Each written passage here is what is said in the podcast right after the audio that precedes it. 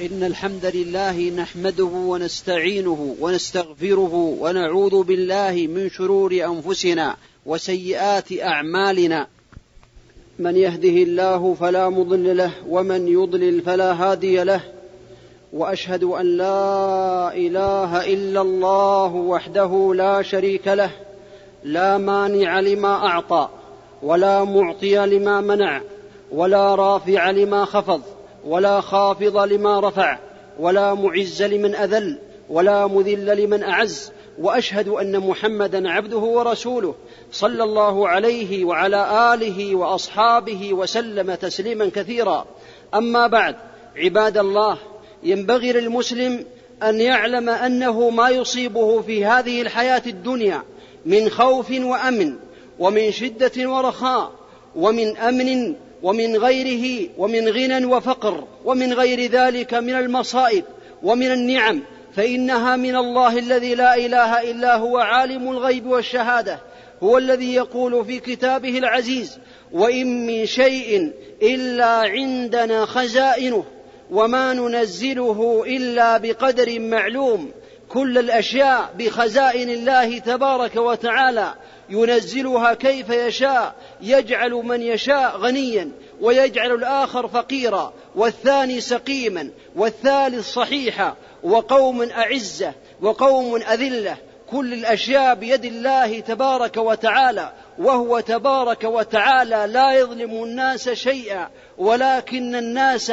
كانوا أنفسهم يظلمون كما قال تبارك وتعالى وما أصابكم من مصيبة فبما كسبت أيديكم ويعفو عن كثير يعفو ربنا تبارك وتعالى عن كثير ويقول عز وجل ظهر الفساد في البر والبحر بما كسبت أيدي الناس ليذيقهم بعض الذي عملوا لعلهم يرجعون والمصائب هي أنواع ثلاثة تصيب الناس أو تأتي إلى البشر على أنواع ثلاثة.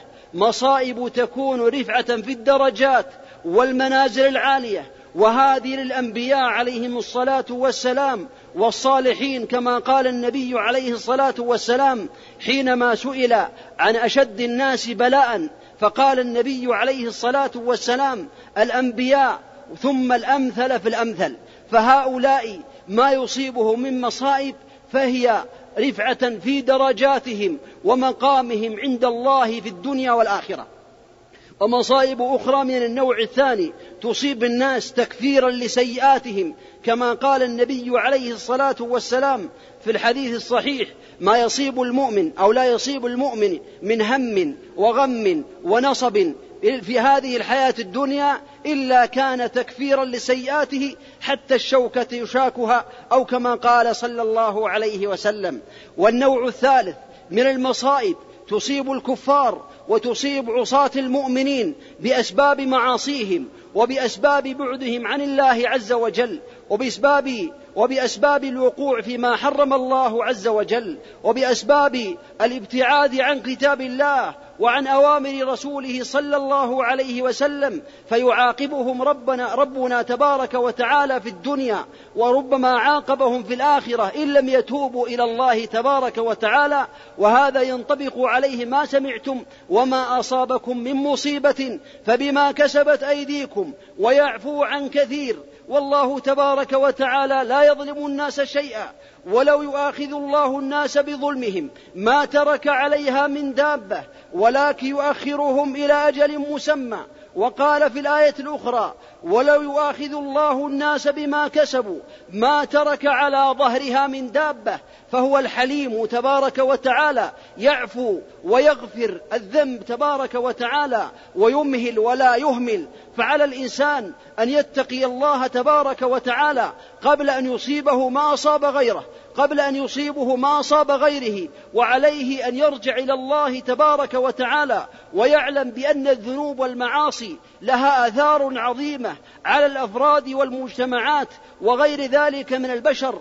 آثارها على الأفراد منها أنها تعمي القلوب. نسأل الله العافية في الدنيا والآخرة. يقول النبي عليه الصلاة والسلام تعرض الفتن على القلوب كعرض الحصير عودا عودا فأي قلب أشربها؟ نكت فيه نكتة سوداء حتى وأي قلب أنكرها. نكت فيه نكتة بيضاء حتى تعود القلوب إلى قلبين قلب أبيض أو قلب أسود مرباد كالكوز مجخيا أي منكوسا لا يعرف معروفا ولا ينكر منكرا إلا ما أشرب من هواه.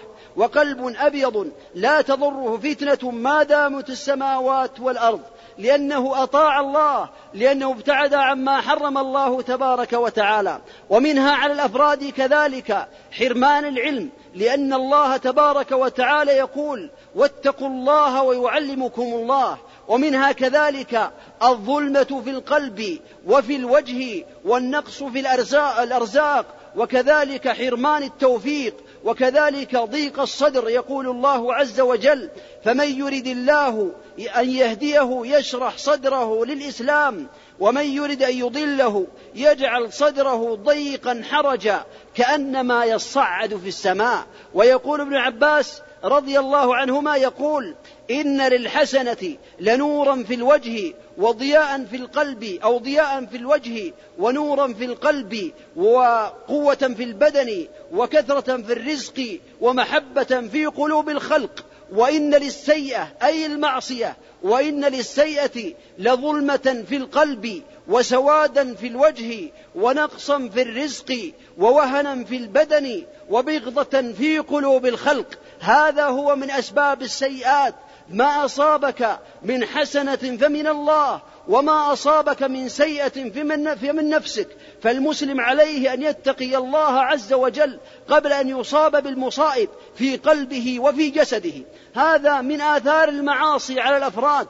أما آثار المعاصي على الأمة وعلى الجماعات بل على الأمم من وقت نوح عليه الصلاة والسلام إلى قيام الساعة إذا عصوا الله تبارك وتعالى فحينئذ لها أضرار عظيمة أضرار وخيمة بينها الله عز وجل في كتابه وأهلك من عصاه تبارك وتعالى. وربما تاب بعضهم فتاب الله عليه كيوم قوم يونس عليه الصلاة والسلام فقد عصوا يونس صلوات الله وسلامه عليه ومن سنة الله عز وجل في عباده أن الناس إذا عصوا نبيهم صلى الله عليه وسلم وكذبوه ولم يطيعوه عاقبهم تبارك وتعالى فيما أعلم إلا في قوم يونس صلوات الله وسلامه عليه فإنهم عصوه فذهب مغاضبا وحينما ركب البحر ذهب مغاضبا وركب البحر وقفز في البحر والقصة معروفة وحينما قفز في البحر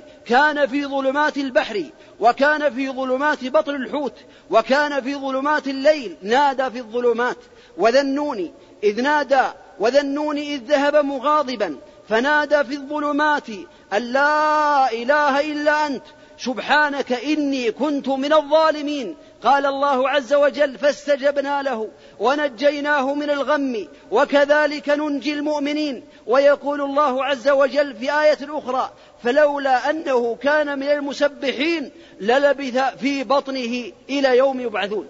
فقوم يونس حينما ذهب نبيهم صلى الله عليه وسلم خرجوا إلى الصعودات وقالوا إنه لا يغضب نبي على قوم. إلا أهلكهم الله تبارك وتعالى فأخذوا أبقارهم وأغنامهم وأولادهم ونساءهم وخرجوا في الصحراء يصيحون ويسألون الله عز وجل التوبة ويسألونه تبارك وتعالى أن يعفو عنهم فعفى الله عنهم وأرجع إليهم نبيهم صلى الله عليه وسلم. أما الأقوام الأخرى فأهلكهم الله تبارك وتعالى لأنهم أصروا على ذلك ولم يكونوا في حلمهم ولا في ذهنهم بأنهم يرجعوا ويتوبوا إلى الله عز وجل. فما الذي فما الذي أهلك قوم نوح؟ عليه الصلاة والسلام وفتح السماء أبوابا وفجر الأرض عيونا حتى على الماء رؤوس الجبال على وجه المعمورة ولم ينجو أحد إلا من ركب في السفينة إلا المعاصي والشرك بالله تبارك وتعالى. وما الذي أهلك قوم عاد صالح؟ عاد صلى الله عليه وسلم قوم عاد ما الذي أهلكهم؟ أهلكهم المعاصي والشرك بالله عز وجل. أرسل الله عليهم الريح العقيم. أرسل الله تبارك وتعالى الريح العقيم عليهم. فأصبحوا كنخل أعجاز منقعر. فأصبحوا كذلك كنخل خاوية. فهل ترى لها من باقية حينئذ لأنهم عصوا الله تبارك وتعالى.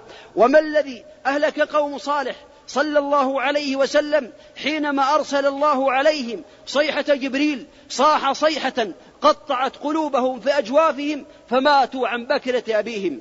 وما الذي أهلك قوم شعيب صلى الله عليه وسلم حينما خرجوا فأصابهم شمس عظيمة وحر عظيم فحينئذ أظلهم الله عز وجل بظلة يوم الظلة فرأوا أنه سحاب ولكنه ليس سحاب لكنه عذاب من الله عز وجل فأمطرت عليهم نارا تلظى. نسأل الله العافية في الدنيا والآخرة.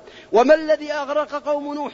أو ما الذي أغرق فرعون وقومه حينما أطبق الله عليهم عز وجل آه، البحر وأهلكهم جميعا؟ وما الذي خسف بقارون وداره وأهله وأولاده وأمواله الأرض؟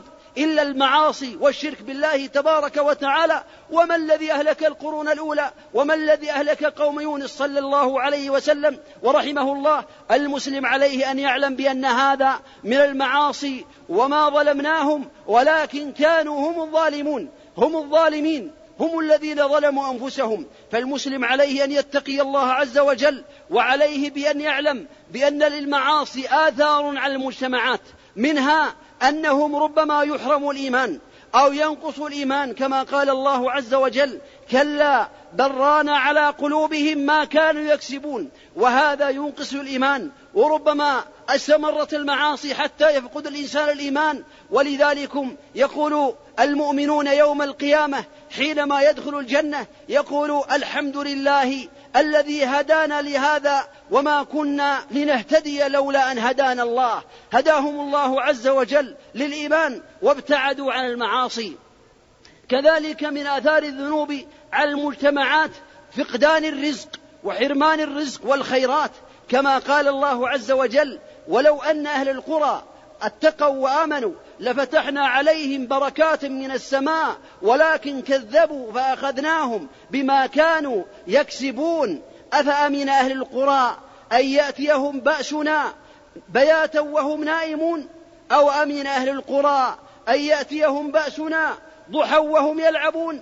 أفأمنوا مكر الله فلا يأمن مكر الله إلا القوم الخاسرون. لا يأمن الإنسان مكر الله وهو يقيم على معصية الله ويقيم على الحرم المحرمات وهو يبتعد عن المواجبات أفأمنوا مكر الله؟ فلا يأمن مكر الله إلا القوم الخاسرون. ويقول الله عز وجل فلما نسوا ما ذكروا به فتحنا عليهم أبواب كل شيء حتى إذا فرحوا بما أوتوا أخذناهم بغتة فإذا هم مبلسون لأنهم لم يشكروا الله عز وجل على ما أعطاهم. بعض الناس فعلى المسلم أن يبتعد عن المعاصي ما ظهر منها وما بطن قبل أن يحرم الرزق فرعون وقومه.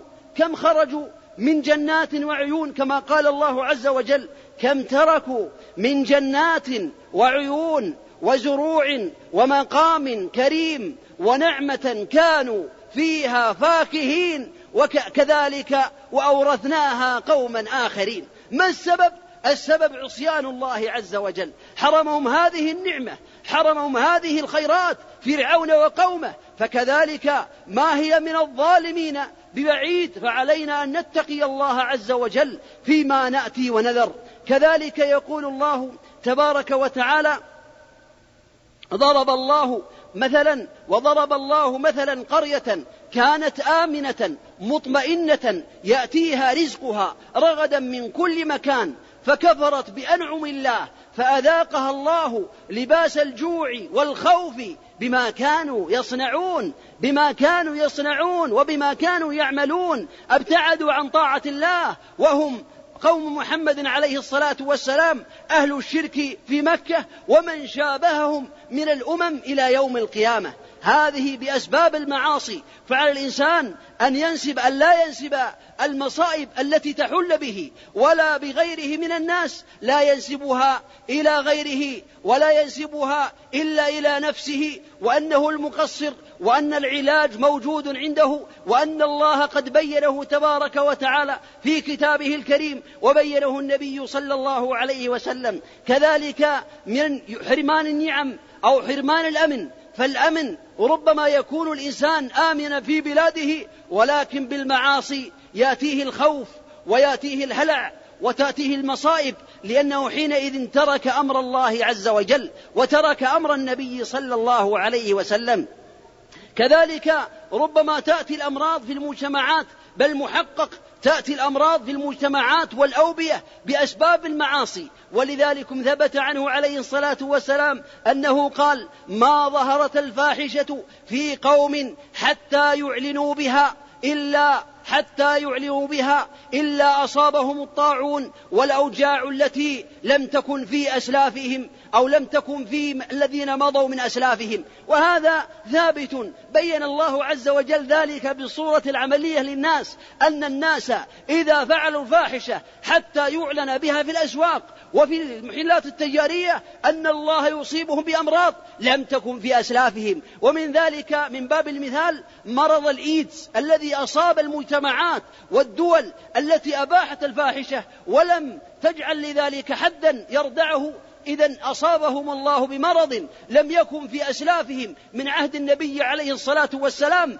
إلا في هذه الأزمان. فعلى المسلم أن يتقي الله تبارك وتعالى. كذلك ربما يصاب الناس بالحروب والمصائب ولكن المؤمنين تكفل الله عز وجل بحمايتهم فقال الله عز وجل إنا لننصر رسلنا والذين آمنوا في الحياة الدنيا ويوم يقوم الأشهاد يوم لا ينفع الظالمين معذرتهم ولهم اللعنة ولهم سوء الدار. تكفل الله عز وجل بحماية المؤمنين ونصرهم كما قال الله عز وجل وكان حقا علينا نصر المؤمنين كان حقا على الله هو الذي أحقه على نفسه تبارك وتعالى. إن الله يدافع عن الذين آمنوا. فعلينا جميعا أن نرجع إلى الله عز وجل وأن نتوب من المعاصي حتى نفوز بالسعادة في الدنيا والآخرة. كذلك من المعاصي ما يسبب الخسف والزلازل وما يسبب الخسران في الدنيا والآخرة. يا أيها الذين آمنوا اتقوا الله ولتنظر نفس ما قدمت لغد واتقوا الله إن الله خبير بما تعملون. ولا تكونوا كالذين نسوا الله فأنساهم أنفسهم. أولئك هم الفاسقون. أسأل الله عز وجل أن يوفقني وإياكم وجميع المسلمين إلى ما فيه الخير والصلاح وأن يحفظ أعراضنا وأعراضكم ويحفظ لنا ديننا الذي هو عصمة أمرنا إنه ولي ذلك والقادر عليه. أقول قولي هذا وأستغفر الله العظيم لي ولكم ولسائر المسلمين من كل ذنب فاستغفروه إنه هو الغفور الرحيم. ولا عدوان إلا على الظالمين المجرمين المعتدين. والعاقبة للمتقين المخلصين وأشهد أن لا إله إلا الله وحده لا شريك له وأشهد أن محمدا عبده ورسوله صلى الله عليه وعلى آله وأصحابه وسلم تسليما كثيرا. أما بعد عباد الله إن المعاصي والذنوب تأتي ربما تأتي المجتمعات بأسباب ذنوبهم ولكن الله تبارك وتعالى قد بين العلاج. إذا دهمت الناس المصائب ودهمهم الانتهاب أو غير ذلك من المصائب فإنما هي بسبب ذنوبهم. ولكن الله تبارك وتعالى قد بين العلاج وهو في النقاط الآتية. الأمر الأول أن يتوبوا إلى الله تبارك وتعالى. أمر الله تبارك وتعالى بالتوبة ووعد من تاب بأنه غفار للذنوب. وإني لغفار لمن تاب وآمن وعمل عملا صالحا ثم اهتدى. يا أيها الذين آمنوا توبوا إلى الله توبة نصوحا وتوبوا إلى الله جميعا. أيها المؤمنون لعلكم تفلحون. فالتوبة تجب ما قبلها وتسبب الخيرات ولها شروط أربعة أو خمسة. منها العزيمة على الا يعود إلى هذا الذنب. وقبل ذلك الندم وبعد ذلك وهو الثالث الإقلاع والرابع إذا كانت المعصية بين العبد وبين الله فهو أن يرد المظالم وما ظلمه من خلق الله عز وجل والخامس أن هذه التوبة لا يقبلها الله عز وجل عند الغرغرة ولا حينما تطلع الشمس من المغرب وإنما تقبل قبل ذلك فإذا تاب الإنسان تاب الله عليه. هذا الأمر الأول. الأمر الثاني وهو تقوى الله عز وجل يعمل بجميع ما أمر الله به تبارك وتعالى وتقوى الله هي أن تجعل بينك وبين عقاب الله وقاية هي أن تجعل بينك وبين المصائب والابتلاء وقاية هي أن تجعل بينك وبين الطامات العظيمة وقاية وهي طاعة الله عز وجل. التقوى هي أن تعمل بطاعة الله على نور من الله ترجو ثواب الله وأن تترك معصية الله على نور من الله تخشى عقاب الله تبارك وتعالى. وكذلك وصفها بعض الناس بأنها هذه بأنها هي التقوى. التقوى هي أن تعمل بطاعة الله تبارك وتعالى وكذلك تكون كالذي يمشي على الأرض التي فيها شوك يحذر ما يرى ثم قال فواتقي وابتعد عن الذنوب فإن الجبال من الحصى. الذنوب والمعاصي إذا تكونت صغيرة على صغيرة أصبحت كالجبال لأن الجبال تتكون من حصاة صغيرة وأخرى صغيرة حتى تصبح جبلا عظيما فالمسلم يبتعد عن جميع الذنوب. أمر ثالث وهو أن يقوم الإنسان بالواجبات وإن دخل هذا في تقوى الله عز وجل لكن هذا من باب التوضيح. وهو أن يقوم بجميع ما فرض الله عليه ويبتعد عن جميع ما حرم الله عنه ويتبع ذلك بالنوافل. أمر رابع وهو في هذه المسألة وهو كذلك القدوة الحسنة. يقتدي بالنبي صلى الله عليه وسلم في أقواله وأفعاله وتصرفاته وفي أموره كلها يجعل النبي صلى الله عليه وسلم قدوة له في كل أموره لا يعمل إلا ما يرضيه صلى الله عليه وسلم ولا يعمل إلا ما يكون على هديه ويبتعد عما حرمه النبي عليه الصلاة والسلام لقد كان لكم في رسول الله أسوة حسنة لمن كان يرجو الله واليوم الآخر وذكر الله كثيرا فهو قدوته وحبيبه صلى الله هو محمد صلى الله عليه وسلم لا يعمل عملا إلا فيما شرعه النبي عليه الصلاة والسلام وهذا هو من المنقذات من الفتن هذا هو علاج المصائب علاج آخر وهو الأمر بالمعروف والنهي عن المنكر فإذا حل بالناس مصائب فعليهم أن يعلموا بأن هذا من التقصير لأن النبي عليه الصلاة والسلام يقول صلى الله عليه وسلم وهو الصادق المصدوق والذي نفسي بيده لتأمرن بالمعروف ولتنهون عن المنكر أو ليسلطن الله أو ليوشكن الله أن يرسل عليكم عقابا من عنده ثم لا تدعنه ثم لا تدعنه فلا يستجيب لكم أو كما قال النبي عليه الصلاة والسلام والحديث ثابت في مسند الإمام أحمد والترمذي بإسناد جيد فهذا حديث بين أن الناس إذا لم يأمروا بالمعروف ولم ينهوا عن المنكر فحينئذ يتوقع أن يصيبهم الله بعقاب منه عاجلا غير آجل. ولذلك كان أبو بكر رضي الله عنه يقول يا أيها الناس إنكم تقرؤون قول الله تبارك وتعالى يا أيها الذين آمنوا عليكم أنفسكم لا يضركم من ضل إذا اهتديتم وإنكم تضعونها في غير موضعها. إني سمعت النبي صلى الله عليه وسلم يقول إن الناس إذا رأوا المنكر فلم يغيروه أراك أوشك أن يعمهم الله بعقاب منه أو كما قال صلى الله عليه وسلم ومثل النبي عليه الصلاة والسلام المجتمعات والدول وغير ذلك من البشر مثلهم النبي عليه الصلاة والسلام بسفينة تعبر في البحر ومثل النبي عليه الصلاة والسلام كذلك العصاة بأناس يريدون أن يأخذوا ويخرقوا من هذه السفينة ليشربوا ومثل العلماء والصالحين كذلك بأناس في أعلى السفينة والماء عندهم يشربون منه. فمثلهم النبي عليه الصلاة والسلام في حديث عظيم. قال النبي عليه الصلاة والسلام مثل القائم على حدود الله والواقع فيها كمثل سفينة كمثل سفينة أو كمثل قوم استهموا على سفينة فأصاب بعضهم أعلاها وبعضهم أسفلها فقال الذين في أسفلها حينما مروا على من فوقهم لو خرقنا في نصيبنا خرقا وهم أسفل السفينة فلم نؤذي من فوقنا.